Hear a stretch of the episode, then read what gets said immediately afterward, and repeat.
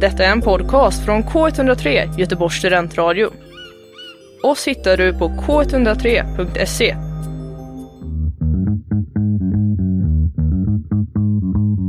Det onormala normala med Mia Svensson. Idag ska vi fortsätta på ett tema jag har pratat om sedan tidigare. Alltså saker man kanske egentligen inte borde göra. Så här, jag är sämst på att snatta. Märklig subtle brag, eller hur? Det kanske låter också återigen som ett exempel av en sån där cool girl. Eller numera heter det kanske pick me girl. Okej, okay. jag lovar, jag ska sluta roasta mig själv och förklara vad det är jag menar. För det är verkligen en situation där jag tänker, men Mia, vad händer? Att göra ett sånt här brett uttalande, jag är sämst på att snatta, är kanske felaktigt. För att egentligen så har jag bara försökt snatta en enda gång i mitt liv. Och jag tror att en del av mig känner kanske att det är någonting som man bör bocka av från sin bucketlist någon gång i livet.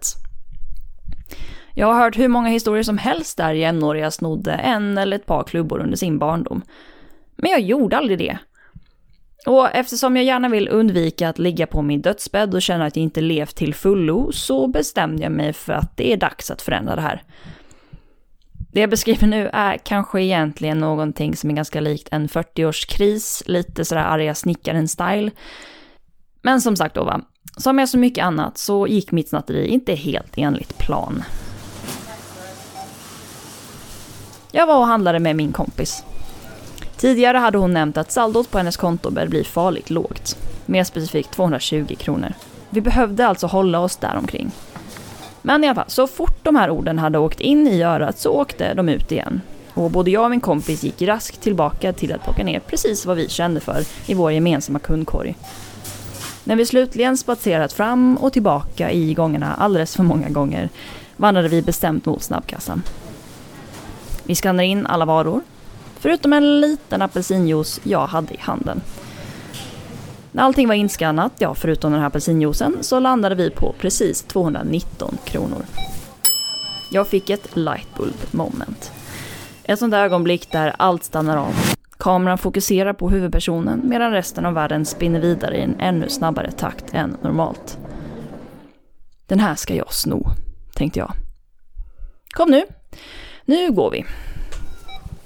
Vi hinner vända oss om och ta typ ett och ett halvt steg innan jag får total panik. Hela mitt liv spelar som på storskärm framför mina ögon.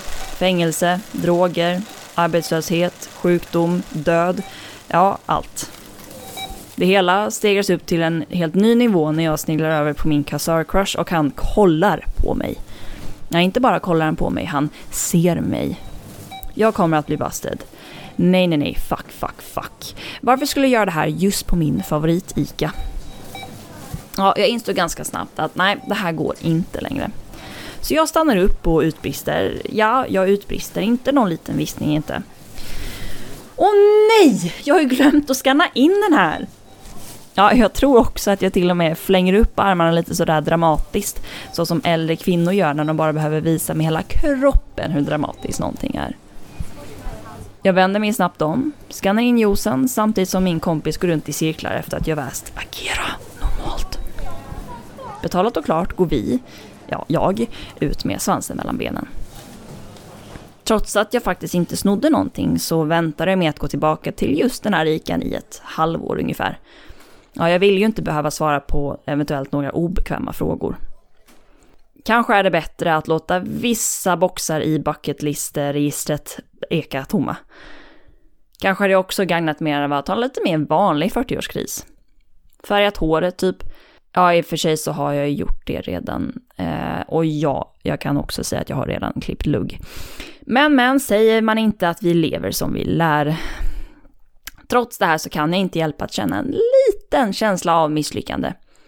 Är man prestationsprinsessa så dör man en prestationsprinsessa. Kriminalitet är inget undantag. Gör jag någonting så ska det gå bra. Samtidigt så är jag lite glad över känslan av misslyckande. Det leder ju också till att eh, jag gärna drar mig undan från att göra det igen.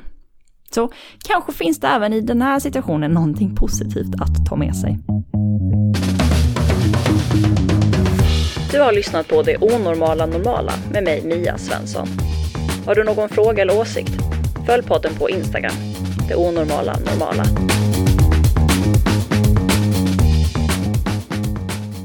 Du har hört en podcast från K103 Göteborgs studentradio.